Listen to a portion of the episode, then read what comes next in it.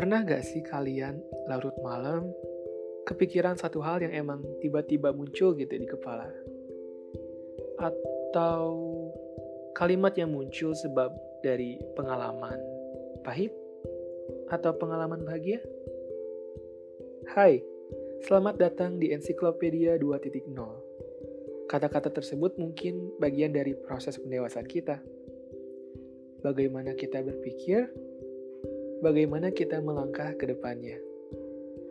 Mungkin akan menarik jika pemikiran itu dituangkan dalam karya yang abadi, baik bagi saya maupun pendengar sekalian. Saya harap para pendengar bersikap bijak dalam segala hal. Jadikan pelajaran atau sebagai teman tidur tentu lebih baik. Selamat mendengarkan.